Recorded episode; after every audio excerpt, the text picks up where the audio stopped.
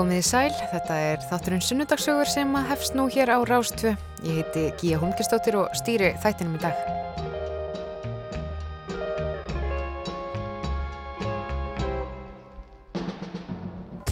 Gestur minn að þessu sinni er leikonan Birna Péturstóttir.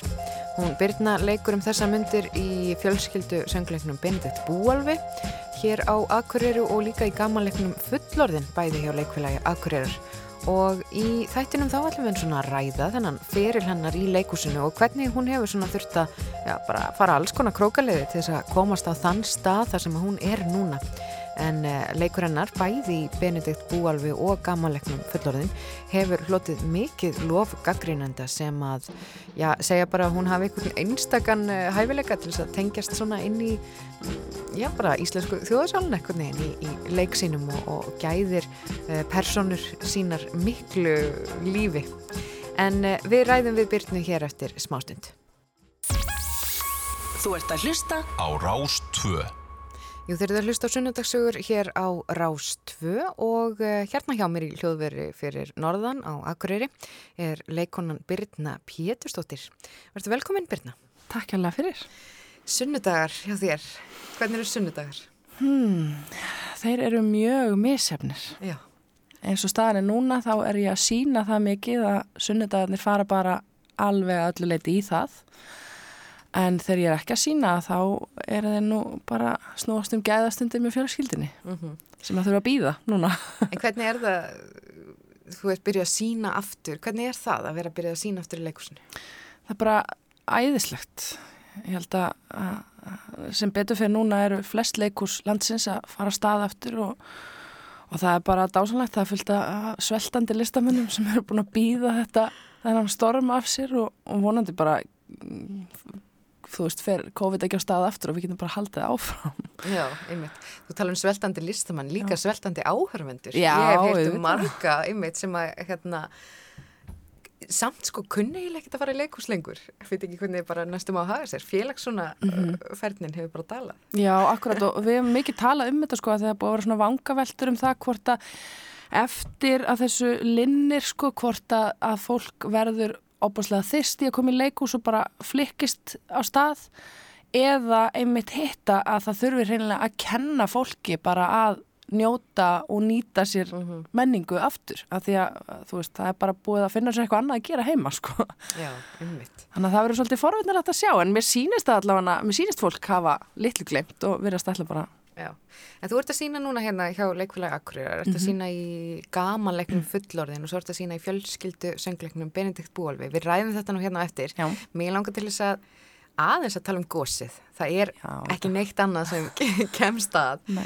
Eh, Þú ert núna hérna fyrir norðan. Við fáum auðvitað, höfum ekki fengið neina upplifun af, af hérna, jarðskálti með neina svona, en, en, en þú býr nú í Reykjavík. mm Um, hefur svona, hvernig, hvernig hefur þetta áhrif á þig?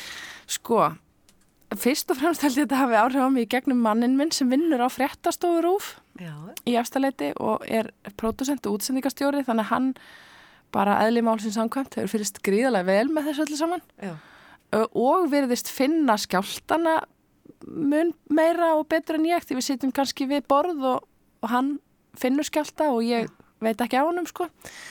Uh, en að öðru leiti sko þá, jú, mér finnst þetta, þetta spennandi og gaman að sjá þetta en ég bara verða viðkjörn það, ég hef, þetta hefur einhvern veginn svona pínu farið fram hjá mér að þessu sinni ég er bara búin að vera á kafi í öðru og þetta er auðvitað stórmerkilegt og, og magnað að, sjá þessa myndir sko, það er ótrúlegt.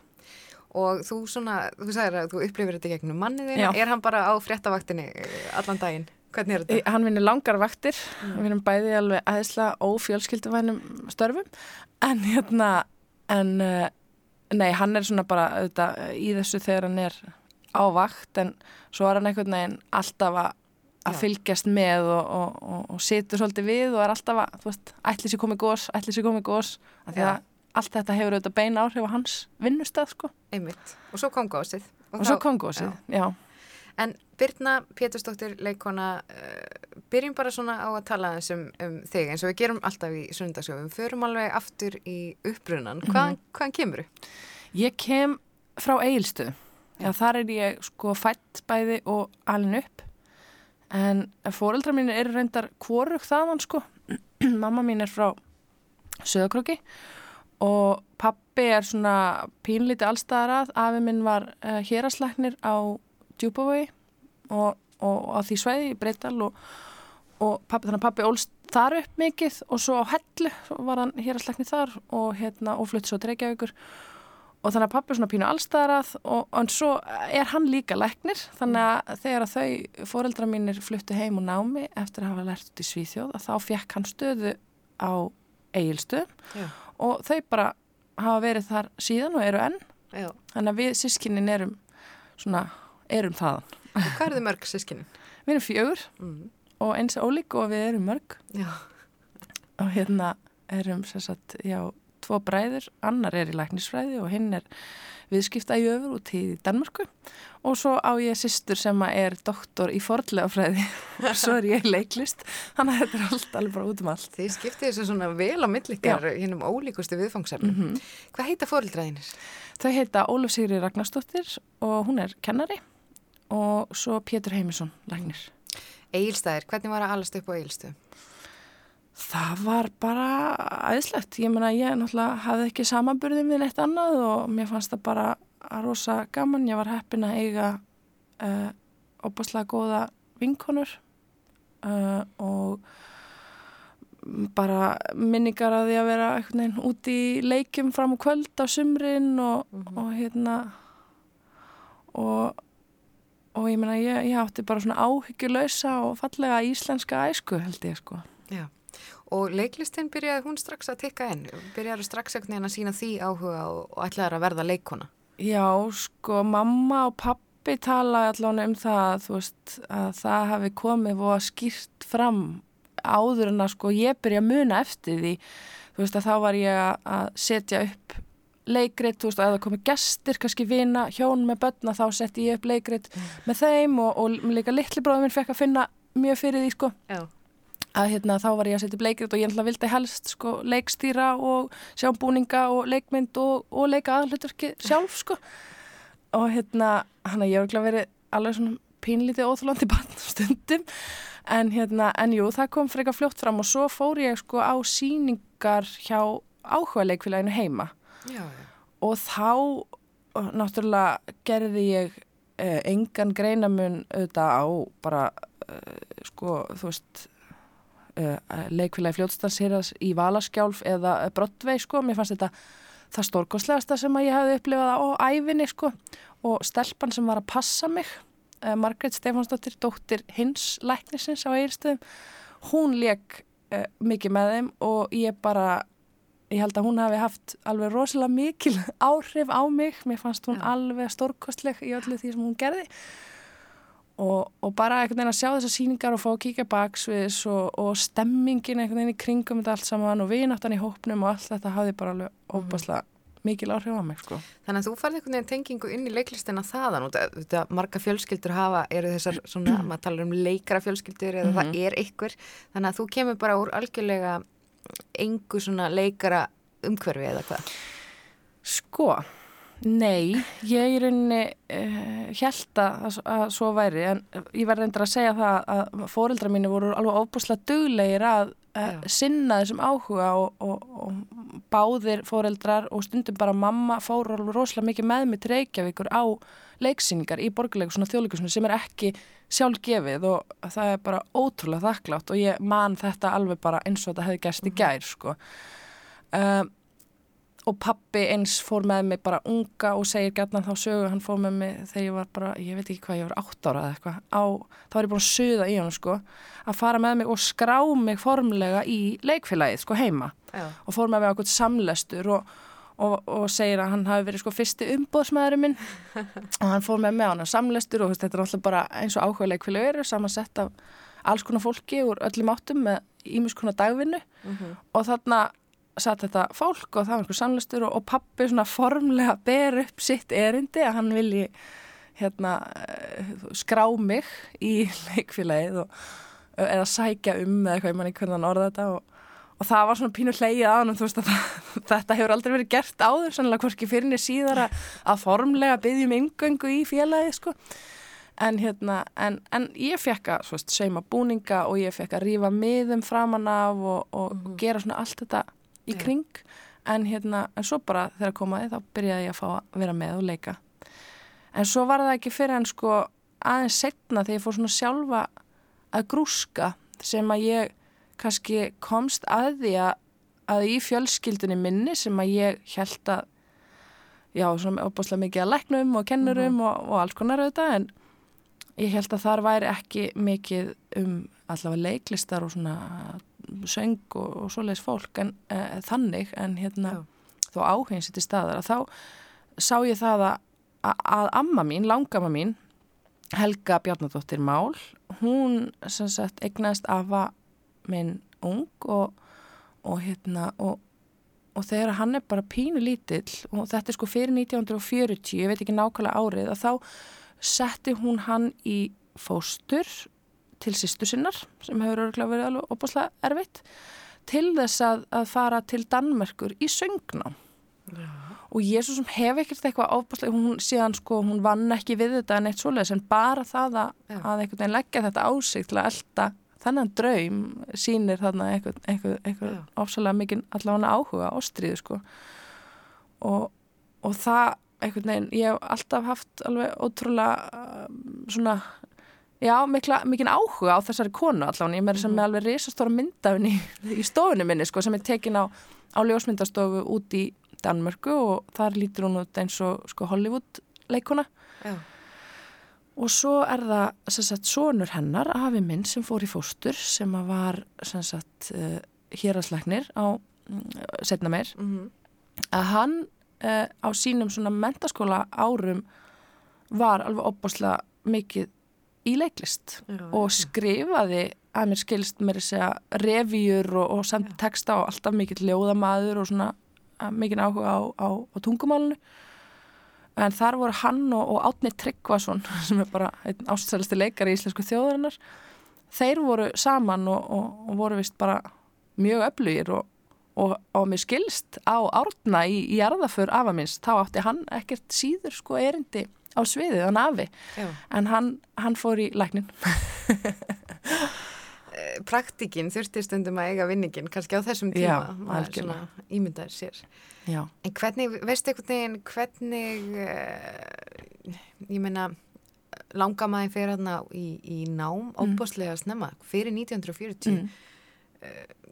Mættu miklu mótlæti, hvernig, veistu eitthvað, hefur þú kafað honni í þessu sögu? Í, sko ég hef svona aðeins gert og það er nú, það er nú ekki mörg ár síðan að afi dó sko Mm. og svo amma, að það er enn stittra síðan hún dó en hérna uh, auðvitað, ég meina hún ég get bara gefið mér það já, Já. að hún hefði mætt mótlæti uh, á þessum tíma en hún uh, þar fyrir utan auðvitað á svon ógift og það hefur nú skapað einhverja, eitthvað umtal sko. Mm. og, og fer síðan út og eignast þar danskan mann. Og þau, þau eignast ek- engin börn sko. Og hérna en ég hef einhvern veginn alltaf, það er alltaf verið svona bakvið eira að kafa dýbra í þessa sögu og mér langar líka alveg ótrúlega að fara á þessa ljósmyndastofu og aðtöða hvort að sko filman er til sem að vist er oft að, til þess að sjá restina af þessum myndum sem að ég fekk af, af þeim hjónum. Mm, og er með hann upp á vegg en, það er allavega er einhver tengingarna og eitthvað sem að ég svona með tíð og tíma mun þurfa að kafa dýbra í sko. Því ég hef áhuga á þessari konu og, og eins eh, sýstir hennar svo sem að ólafa upp og eins og eitt af sínum eigin og áttir alltaf fullt af börnum sjálf og hún hétt Birna og ég skýrð í höfuð á henni sko. Mm. Þannig að þú finnur stert fyrir þessari svona tengingu einhvern veginn í Já. þennan kvenleg. Já, ég ger það og ég líka bara hef áhuga á sko þess, ég veist, ég er, ekki, ég er engin ættfræði séni sko og Nei. þú veist, svo örgla einhver frendi eftir að vera eitthvað, "Ó, þú sagði nú villist frá þarna, eitthvað, en það verður að hafa það, Já, já. áhugin er allan til staðar, Mm. ég, hérna, og mér langar að- kafa dýbri í þetta og líka svona bara vita meira, ég meina, þetta er ótrú, þetta er ekki sjálfgefið að gera þetta á þessum tíma, þetta er bara alveg magna sko. Uh, þú klára svo bara þína grunnskóla gungu þannig á eigilstöðum um, Mhm. og svo ákveður að fara í mentaskóla. Hvernig, hvert ákveður þú svo að fara? Ég fór í mentaskólan á Akureyri og það var held ég aldrei nein neitt annað sem kondi greina uh, á, hérna sýsti mín eldri var í mennskólum Akureyri og báði fóreldra mínir og afi minn var í mennskólum Já, það sem hann kynntist Árna eða hvað, er það ekki? uh, Árna Tryggva? uh, nei, Nei. það var endar á, á laugum Það var á laugum. Já, það var Já. hérna, þetta var allt einhvern veginn öðruvísu uppsett á þeim tíma. Ég veit ekki hvort að það var svona eins og gagfræði, sko, nei, það er svona, ég kann ekki alveg að segja frá því. Nei, allavega, það getur ykkur frændi sem er að hlusta eða frænka Já, hún getur leiðrætt þetta. fyllt í. Einmitt. Uh, En- nei, en svo hérna, uh, svo hérna, uh, já, ég, sem sagt, eins var sko hann mm, Tryggvi Gíslason fyrir um skólameistari Akureyri, hann er bróður ömmu minnar, þannig að þetta var svona ægilega vennsl þarna og kannski Uh, kannski ekki bara tilvílin að ég fór í mentaskólan Akureyri en ég held að aðalega var það vegna þess að þú veist, ég hef bara heyrt sýstu mína og mömmu og pappa þú veist, þau kynntist í mentaskólan Akureyri og sýstu mínu maðurinn hennar og mér langaði bara Mhm. einhvern veginn sögurnar og, og, og, og ekki síst leikfélagið í mentaskólan Já, sem að var til þess að mér langaði að fara þangað sko. Og þá var draumurinn alltaf svo sterkur að verða leikona. Já, Já. hann hefur alltaf verið sterkur og, Mm. og frá því ég man eftir mér hef ég alltaf að verða leikona og það hefur aldrei komið til að ég hef efast fyrir en eftir að ég búin með listaháskólan. Þá kom efinn og bara svona eitthvað, býtu hvað er ég að gera? Veist, þá byrja já. Varst á heimavistinni þá í mentaskólanum? Já, á hluta. Uh, ég var uh, alveg fyrsta árið og, já, fyrsta og síðasta árið á heimavist, svo er ég eitthvað að leia hann í millitíðinni og Já. Það er nú svolítið svona áhugavert að vera á heimavist. Mhm. Er það, maður ekki drýmið sér eða hvað? Jú, það er bara magnað og ótrúlega auðvitað, mikið frelsi allt í einu að flytja beint úr foreldrahúsum og, og vera svo Já. bara hann pínu þinn eigin herra á heimavist með fullt af jafnöldrum og fullt af sætum strákum og allt þetta. Það er Já. mikið frelsi og bara ótrúlega gaman sko og bara æðislegt og skemmtlegar minningar þaðan. En hvernig, sko, leiklistar draumurinn, greinilega mjög sterkur alveg frá því að þú ert bara barn á eigilstöðum og Mm. tekur þátt í, í áhuga leikfélagi og bara einhvern veginn þyrst í um, leiklistina, bara Mhm. á öllu leiti. Uh, svo kemur að því að, að fara í leiklistanámið. Já. Hvaða leið ferði þá?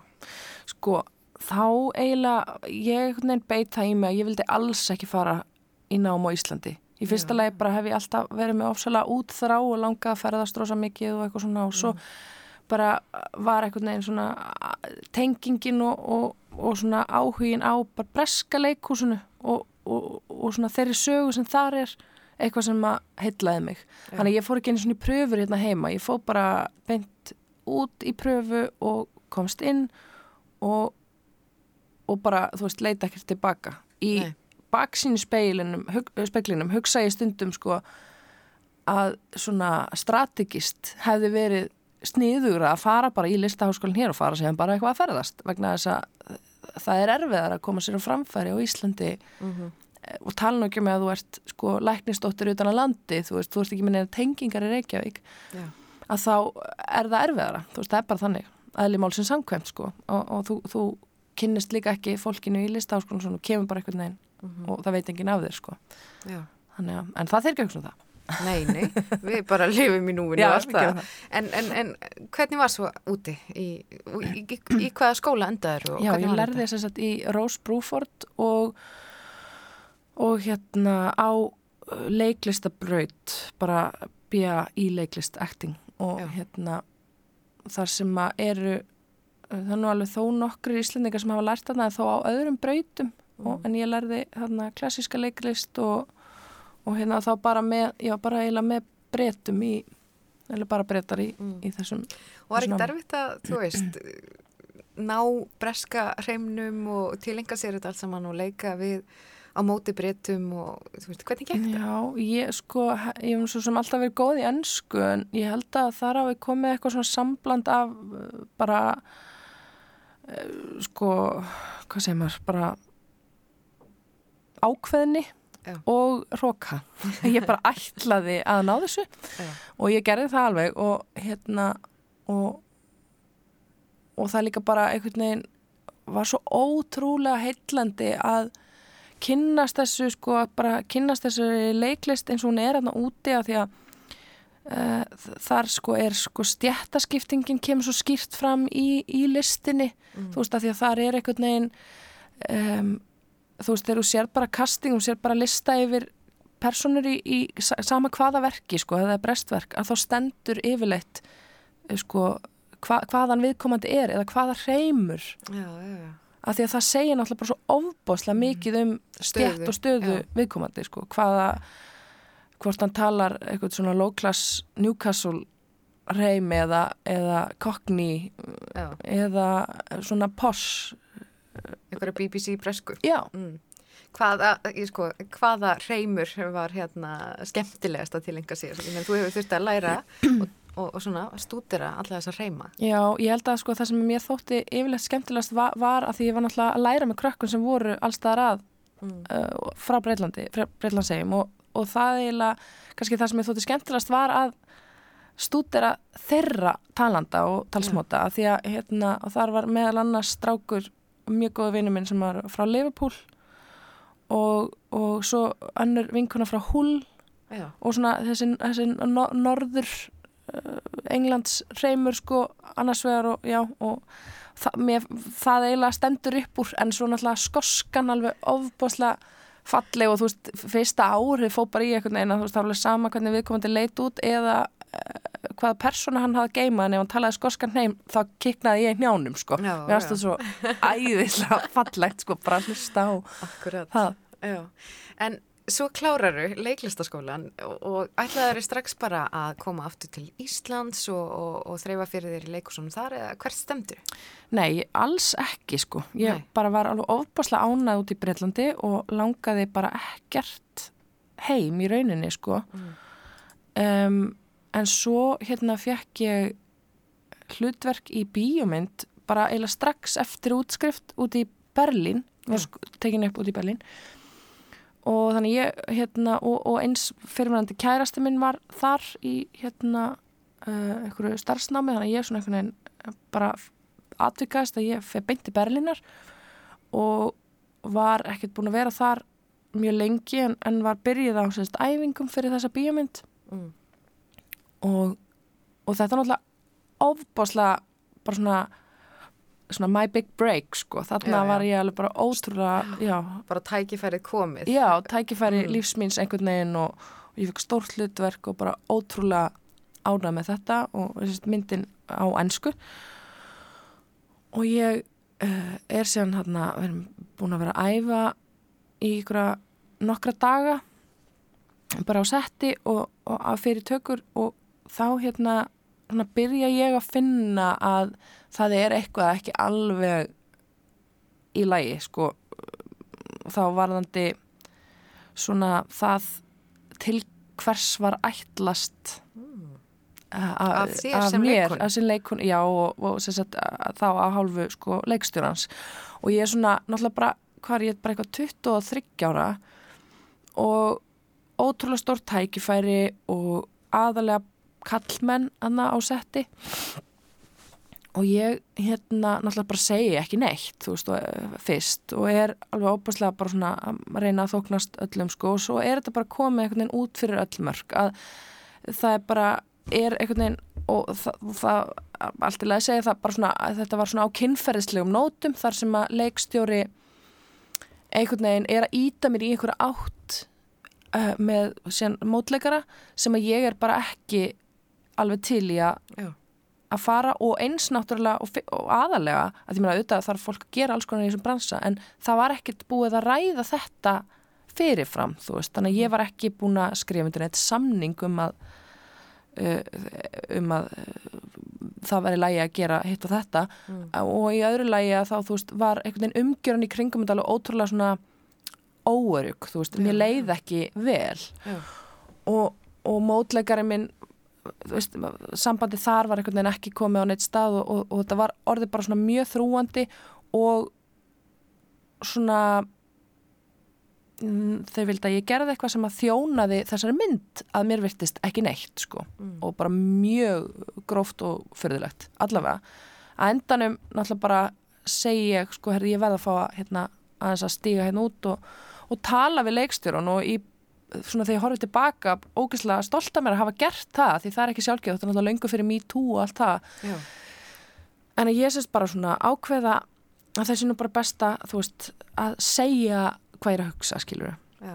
Þannig að ég sest niður með leikstjóranum sem að er réð mig í þetta verkefni og segja honum að, veist, að ég skilji ekki alveg ástæðana fyrir því að hann vilja að ég geri þetta og eins að, e, þú veist, að ég sé bara órug og mér líði ekki alveg og svona er eitthvað sem spyrja spurninga og hann segir bara, já, herruðu, e, ég ætla að hugsa þetta, farði bara heim og ná, við sjáumst bara morgun og sendi bara alla heim.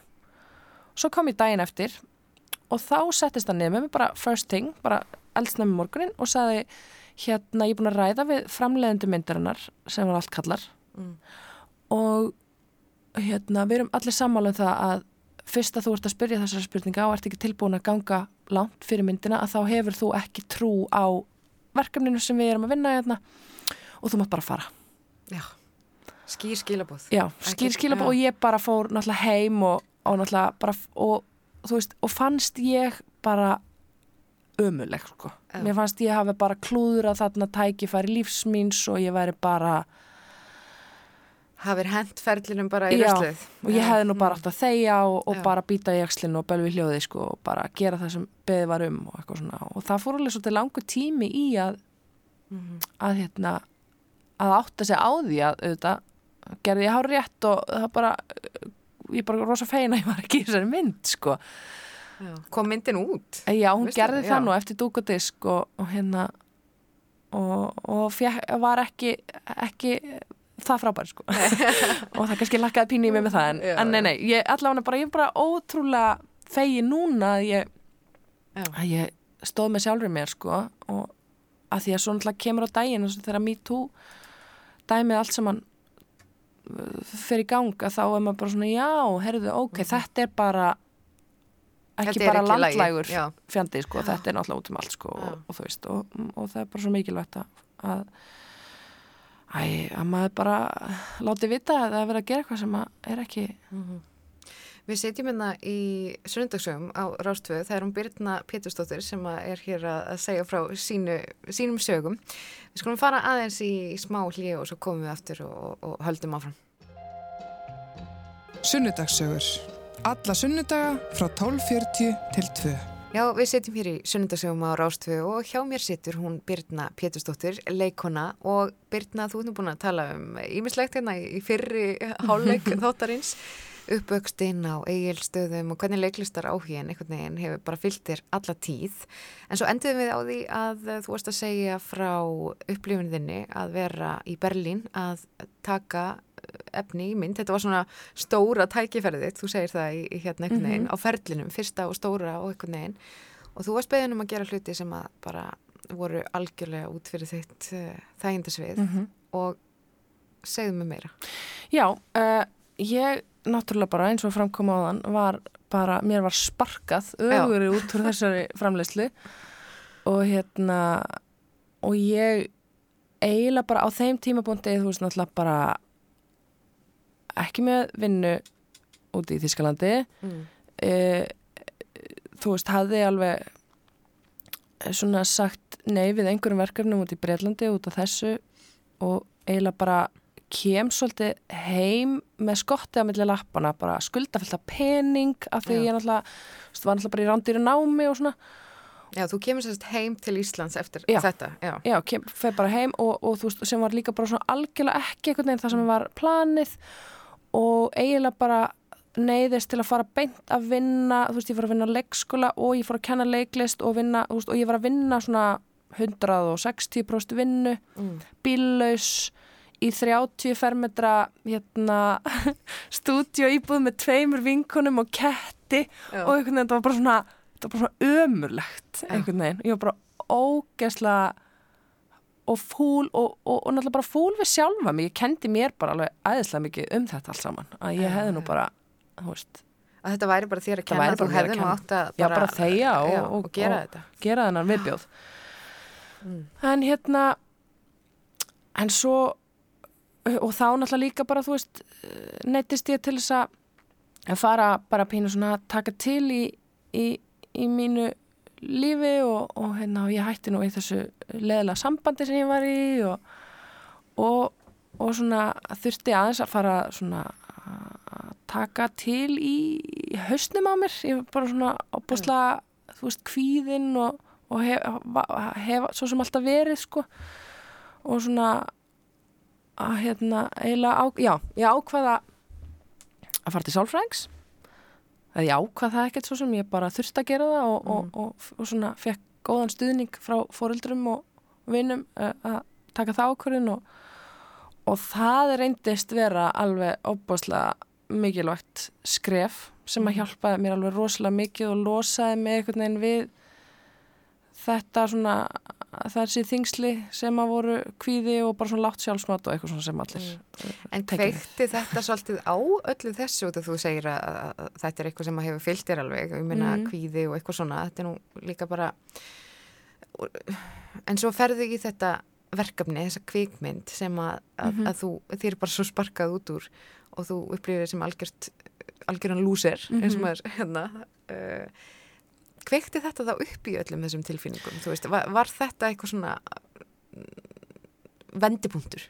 Já, ég held það og, og líka það að sko, kom það einhver, einhver á stað og svo einhvern veginn að, að, veist, að, að það að fara út og læra leiklist hefur frá því mann eftir mér verið það sem ég stemdi að og, og það er náttúrulega, þetta er auðvitað, ég er ekki einum þetta að sko síðan hugsaður ekkert um það sem gerist eftir það. Mm. Það er einhvern veginn bara sjálfgefið að þú ert búin að læra þetta að þá færðu vinnu við það og svo vinnur bara við það þákludeirð.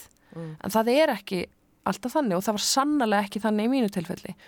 A, að ég, veist, kem heim eftir þessa erfiðurinslu með skotta á milli lappana, þarf að fara að vinna við eitthvað annað og eru þetta að reyna að koma mér á framfæri Hjá sem leikona, já, og það já. gengur ekki neitt og veist, og ég, bara, veist, ofan í einhvern veginn allt annað bara upplifa sjúklega mikla höfnun mm. og bara svona byrju já og þarna þú veist þessi evi sem ég var að tala um aðan veist þarna byrja ég bara svona byrju af hverju fór ég ekki bara í læknisfræði eða þú veist eitthvað og, og hérna og og svo náttúrulega bara líka það að, að þurfa allt í einu að sko fara að vinna alveg óbúslega mikið bara til að eiga fyrir lífinu sko mm.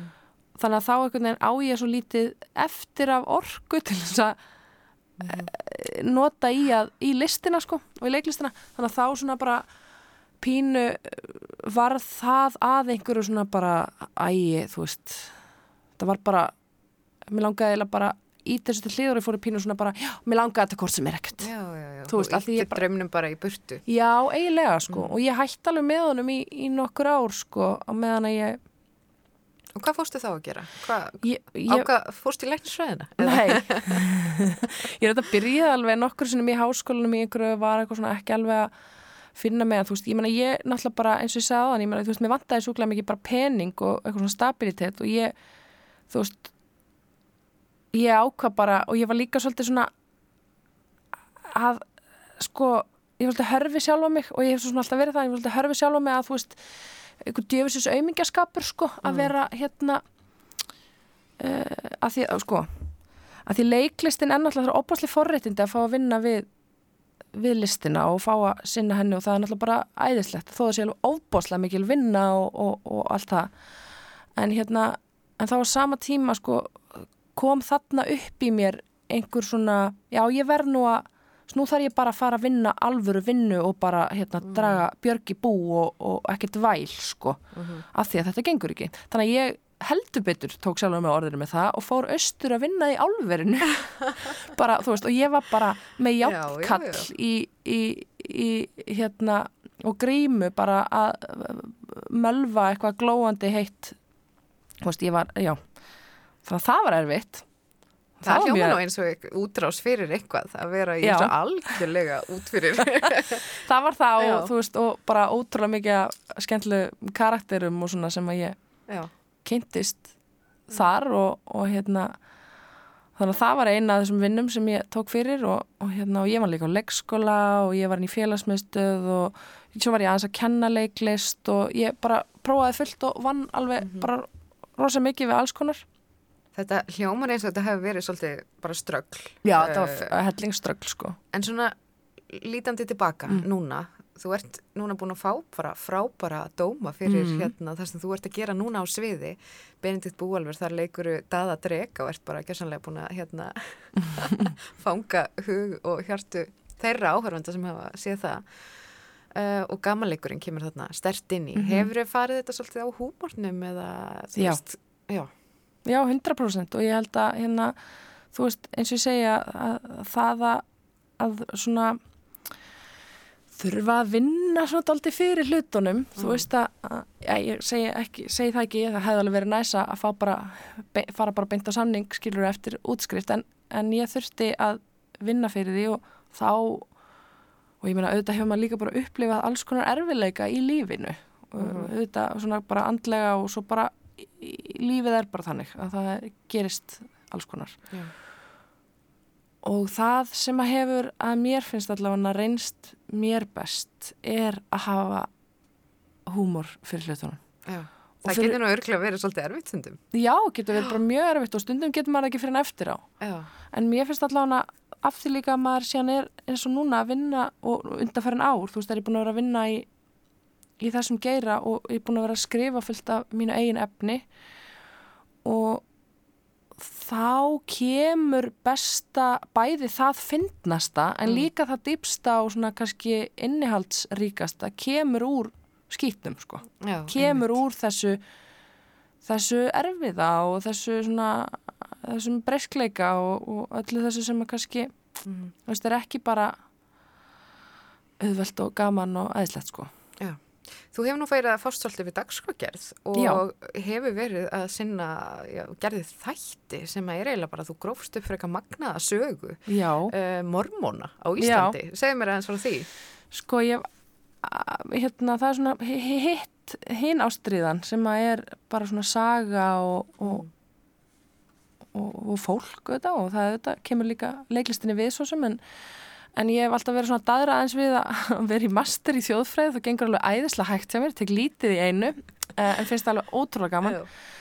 uh, og það var sérst í áfanga í sapnafræði þar sem við fórum uh, sapnafræði hjá Artísi Bergs, hún var að kenna og fórum hérna hópur í þessum áfanga í Háskóli Íslands til Vestmanneia í svona vettvangsferð, vorum einhverja eina helgi og vorum að vinna verkefni inn á söpnunum í, í Vestmanneum og á byggðasafninu þar er bara svona pínu lítill uh, síninga, uh, lítið hot þar sem að er fjallað um uh, þessa fyrstu vestufara sem að annars hefur alveg óbúslega lítið verið talað um sem að uh, voru íslenskir mormónar sem fluttust til Utah í bandaríkanum og þetta er að gerast sko eða þú veist það er oft talað um að, vestuferðir er að hefjast þannig 1870 eða eitthvað en þetta er alveg sko 1850 Já, já. uh, Og allt fólk frá Vestmanni. uh, sko ég held að það verið tvö, þetta eru 400 manns cirka í heldina og ég held að það verið 200 manns sem fóru frá vestmannegjum sem að þá var sko 500 manna Já. pláss Já, þannig að þú veist að það hefur bara stór séð á bænum sko Já. og fyrir utan að- að mormóna trú þá er flokku sem villu trú sko þannig að fólk var að skýrast í skjóli nætur og, og svona hálfpartin og í óþökk sko yfirvalda. Og náttúrulega íslenska þjóðkirkjan uh, réði öllu sko. Þannig að, að, að þetta var líka svona uppreisna gent svolítið sko. Já.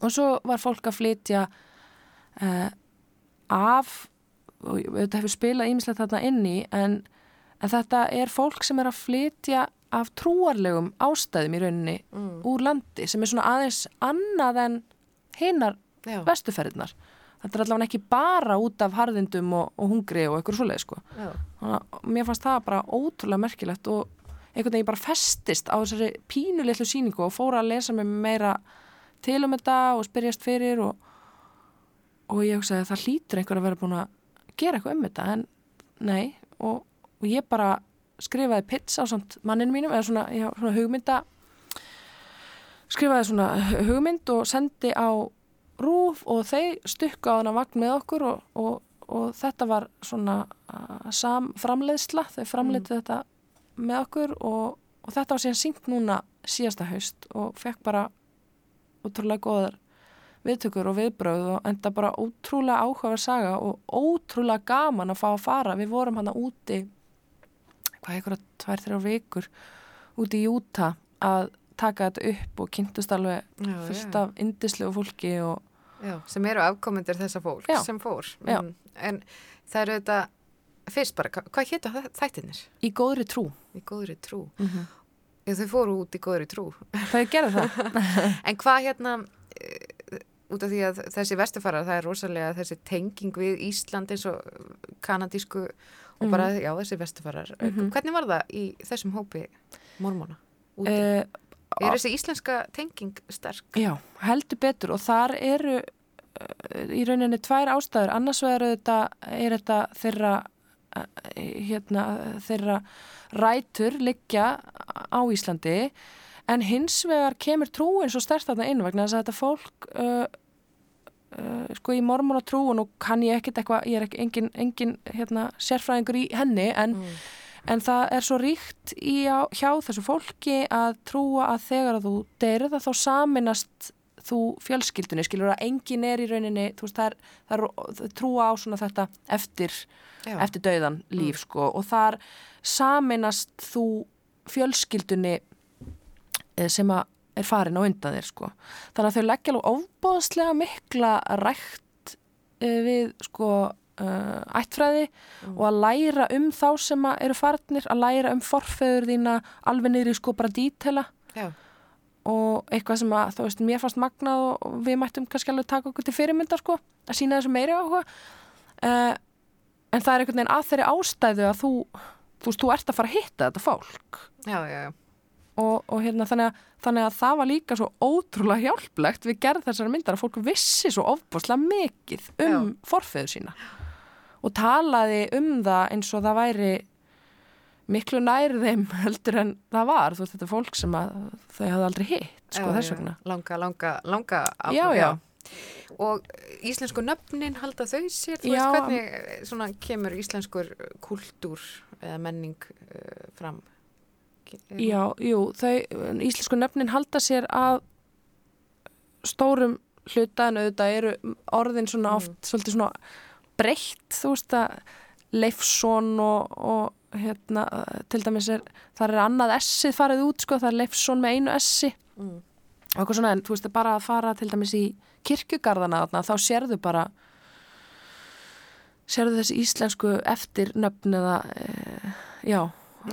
Rosa skýrt og, og, og, og, og, og íslenskur íslensk eh, menning og, og bara, bara Ísland er í hávegum haft þarna og, þetta skiptir fólk máli og það er líka svo magna sko að, að sjá að hvað þau eru óbúslega imponeruð og hrifin af Íslandi og, og, og mörg ferðast til Íslands og svona en að við einhvern veginn vissum ekki neitt um þetta Nei, það Hvernig var þetta tekið? m- mjög vel Bara, já. já, bara, Og ykkur, þið fóruð þarna út þrjú, eða ekki? jú, jú, sérst, ég og Átni Þór Teodorsson, maðurinn minn myndatökumæður og hérna og, og svo réðum við hljóðmann með Já. okkur, að við vorum þrjú og, og hérna og það var bara já, þau voru bara höfðingjar heima að sækja sko, það var allt fyrir okkur gert þarna og, og þetta fólk náttúrulega líka það, það skipti þau máli að, að þessi saga væri sögð og væri sögð rétt og vel og, Mhm. Og hérna og það var líka uh, mikill lærdomur í því að nálgast sko svona trúmál og, og, og trú fólks sem er þeim svo ofbúslega mikilvæg en er alveg ofbúslega fjarlæg mér. Og við erum alltaf bara einhverju heiðingjar af Íslandi, þú veist, við erum hvorug í þjóðkirkjunni, þú veist, ég og maðurinn minn og erum einhvern veginn ekki á þessari línu, sko, þó við séum alveg spiritual, að þá erum við ekki í svona þessum skipulöðu trúabröðum. Þannig að það þótt okkur ótrúlega mikið lærdómur einhvern veginn að líka bara að, gott að stinga eigin skoðunum og kannski fordómum og eitthvað svona aðeins onni vasa og bara Mhm. að hlusta og læra og njóta þess að vera með fólki sem að er mjög ólíktir en hefur er að stærstum hluta eins og flestir eh, frábært fólk. Já, akkurat. Þetta er auðvitað magnað að áfangi í safnafræði hafi endað þannig að þið fóru til Júta og Já. hittu einhvern veginn allt kynntust þessu öllu. Mm Tölum aðeins núna um uh, Benedikt Búolf. Þar sem að þú uh, ert núna að leika hinn stórkostlega daða drega. Mhm. Uh, þetta er svona dregi með stórt, nei, ég var að segja lítið hjarta. Stór dregi með lítið hjarta eða Já. hvernig myndur þú lýsa þessari persónu? Ah, sko, daði er náttúrulega dreki. Þannig að þá gefur fólk sér það að hann sé óurlegur og, og ógnveikjandi og hugrakkur. Já. En hann er ekkert af þessu. hann er græmið sæta, eins og ég reyndar. Þú gætu tengt það. Já, við tengtum þar, við dæði mm. stert sko. Hann getur ekki hugsa sér að borða kjött. Uh, hann er, hérna, hann er svona bara góður, góður vinur. Hann er með látt sjálfsmatt. Já. Hann er samt ókslega fyndin og vinur allra. Og hérna, hann er svona að daldið vondi við sig og s- skamma sig fyrir hitt og þetta. En samt elskan allir sem kynnast honum sko. Já. Það eru þetta að tengja við mjög margt í Já. þessari persónu. Já, Mm. það er það. Hvernig hefur ferli verið að vinna Benedikt Bólvi? Þetta er svona batna fjölskyldu síning og bóðslega mikið í hana lagt hérna hjá leikfélag akkur þetta er alveg leikmyndin springur þarna alveg út um allt sviðið. Hvernig var að vinna í þessu? Bara ótrúlega gaman. Ég, hérna, vissi alveg að það er gaman en ég vissi ekki að það er svona gaman. Nei. Bæði, hérna, rosa skemmtilegu karakter sem að mér var útlutað og ótrúlega gaman að vinna honum en svo er hópurinn bara svo ríkala skemmtilegur. Ég meina, þú veist, það eru uh, það er það sem er svo magna við leikus þú ert alltaf í einhverjum, þú ert alltaf á mismöndi vinnustað, þú ert alltaf Já. með mismöndi fólki, þú veist, að vinna alveg rosalega náið með nýjum hópa fólki, sko, eftir því í hvað verkið þú ert og, og það er auðvitað mismöndi hvernig hópurinn smeltur saman, en í þessu tilfelli bara ævintýralega góður hópur og við náum all bara svo vel saman og það er svo mikil ást og svo mikil kærleikur og stuðningur og, og, og, ótrúlega mikil húmor Já. Þarna er alveg bara eh, hérna, mjög fyndið fólk. Við erum að tala um Björgvein Frans, uh, Valgerði, Guðuna. Árna Beintein, Hjaltarúnar Hjalti Rúnar. og Þórdís Björk Þorfinns og svo Kristin Óli, Króli, Kitti. Hérna, stíga sín fyrstu hérna, skref á sviði, og bara er geggjaður, Já. alveg svakilega flottur, efnilegur og ekki bara það, en bara góður. Sko, þú ert búin að fá, það eru komni nokkri dómar og, og svona og, og þú ert yfirleitt tekinn þarna, uh, svona, nefnd og, og þér hælt fyrir mikla og góða persónusköpun og bara, þú ert að fá góða dóma og líka í fullorðin sem þú ert að sína. Eftir allt þetta ströggl Mm -hmm. sem að þú hefur gengið gegnum að, að móka skítin eins og segir, hvernig er núna að vera komin á þennan stað? bara ótrúlega gaman og, og líka hérna ég er náttúrulega búin að gera rosalega mikið sjálf líka ég er búin að eyða síðustu ég er búin að vera núna alveg í leikhúsinu síðan 2017 og við stopnum sko okkar eigin leikhóp umskiptinga og, og, hefum, og hefum skrifað okkar eigin verk og, og halað inn hann að tveimur, við hefum gert tvö verk og fengið grímutilefningu fyrir, ba fyrir bæði og það er mjög skemmtilegt og það er, það er bara þannig og, Mm. maður þarf líka að venja sig á það þú veist, það er alltaf lægi, þó maður sé ekki að monta sig en það er alltaf lægi að hæla sjálfum sér og Mm. tala um að því þetta er sjúklega mikið vinna og ekkert í þessu er sjálfgefið um, að þá er bara það er, það er gaman þegar að það er tekið eftir þér og þú færð uh, viðurkenningu fyrir þá vinnu sem þú ert búin að leggja á þig og, og það er uh, sætt núna að vera að fá svona já, kannski vera svona tekin aðeins meira út fyrir svega og fá svona já, bara rós fyrir vinnuna vegna þess að uh, auðvitað, ég veist, ströggl, já, en líka bara hérna, ótrúlega gaman núna síðan hann að 2017 að vera búin að setja alltaf þessa vinnu inn og Já, búa til svona mikið sjálfinn og fullorinn, við skrifum það sjálf og já, gamanleikurinn fullorðin. já, Mm. sem við erum að sína núna og ja, bara, eh, bara mjög gaman En sko, gott. þú talaðir um að hérna, þú fórst að vinna á leikskóla og þú Já. fórst að vinna í álverinu, opaslega svona út og suður eitthvað. Er ekki, og þú, þú talaðir einmitt um að þú kynntist mörgum karakterum Mhm. hérna, í þessari svona vekkferðinni uh, að lifa af í rauninni bara. Mhm. um, koma þessi karakterar þér að góðum notum núna, hafa svolítið farið víða. Já, klálega. Fullorðin er síning sem að byggir uh, fyrst og eða bara að öllu leiti á bara karakterum Mm.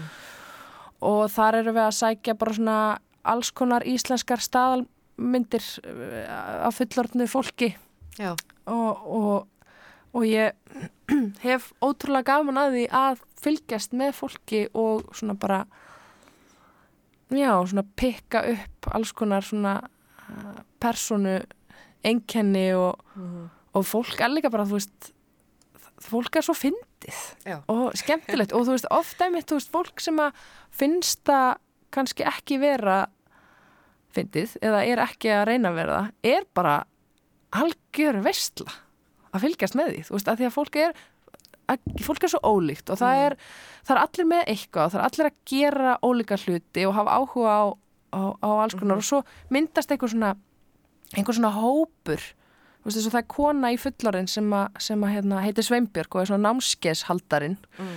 uh, sem að ég bjóð til úr, úr bara svona fullt af konum sem að ég uh, hef séð og þekki og alls konar og hérna og hún er bara svona svolítið svona svolítið svona hress og svona bara til í þetta, tala svolítið svona og hérna og, og, og, og það er bara það bregst ekki að Já. veist það tengi allir við þessa konu, það þekki allir eina sveinbjörgu Já, Þannig að nú verður allir að koma og sjá fullorðinn og, og, og sjá hitta Sveinbjörgu Já, og hitta Sveinbjörgu í sér og sínum. já, Birna Pétursdóttir, tíminn rennur frá okkur hérna, gaman að spjalla um lífið og listina og, og, og allt það, en hvað er framöndan hefur á þessum fína sunnuti? herðu, ég er bara að fara að sína í Mm. dag. Ég er að sína tvær síningar af Benedikt Bólvi fyrir fulltabönnum og, og fóreldrar þeirra í, í samkomúsinu og svo bara fer í styrtu og við hoppum saman upp í, í bíl og keirum til Reykjavíkur Já, strax eftir síningu. Þannig að þetta er nóg að gera sko. Nó að gera og, og þið hjónin einhvern veginn bæði í svona störfum sem að krefjast mikillar fjárveru. Hvernig Mhm. gengur heimilislífið núna þessa dagana? Hann í eldkúsinu og þú í leikhúsinu. Guð, þar er manneska sem eh, er að bjarga okkur, sem er mamma mín sem að sem sagt er kennari í grunnskólanum á Eilstöðum en tók sér hérna hálsárs leifi launalaust frá vinnu til þess að vera auper hjá okkur átna og þú veist, náttúrulega góðar mömmur það er náttúrulega bara ekki til neitt betra sko. og þetta í raunverulega myndi ekki ganga ef að, ef að mamma var ekki að- að að hjálpa okkur. Því að hún núna er bara er bara að sinna banninu mínu. Þannig að ég er hér bara eitthvað að vera aðteglisjúk Já, við skulum klára þetta á þessum nótum, sendum bara ást til allra mæðura og Já. allra þeirra sem að hjálpa fjölskyldum þessa lands. heldur Uh, betur bara takk fyrir komin að hingað í sunnundasögur. Birna Pétursdóttir, leikona, það var gaman að ræða lífið og, og ferilinn við því og gangiði vel. Takk sem leiðis Sunnudagssögur. Alla sunnudaga strax eftir hátegisfrettir. Já, þetta voru sunnudagssögur dagsins í dag, þennan fína sunnudag. Og ég heiti Gíja Holmqvistóttir og ég tók á móti henni Birnu Pétursdóttur leikonu hér í hljóðver okkar fyrir Norðan á Akureyri. Það var ansi gaman að ræða venna Birnu, hún hefur nú farið víða í, á sínum ferli og uh, ég hefur alveg þurft að hafa fyrir hlutunum og er núna komin á okkur stað þar sem hún er að uppskera og þið getið auðvitað nálgast spjall okkar inn á spilara rúf þetta dettur allt saman inn hér að þætti loknum. En uh, takk fyrir að hlusta og hafið það gott í dag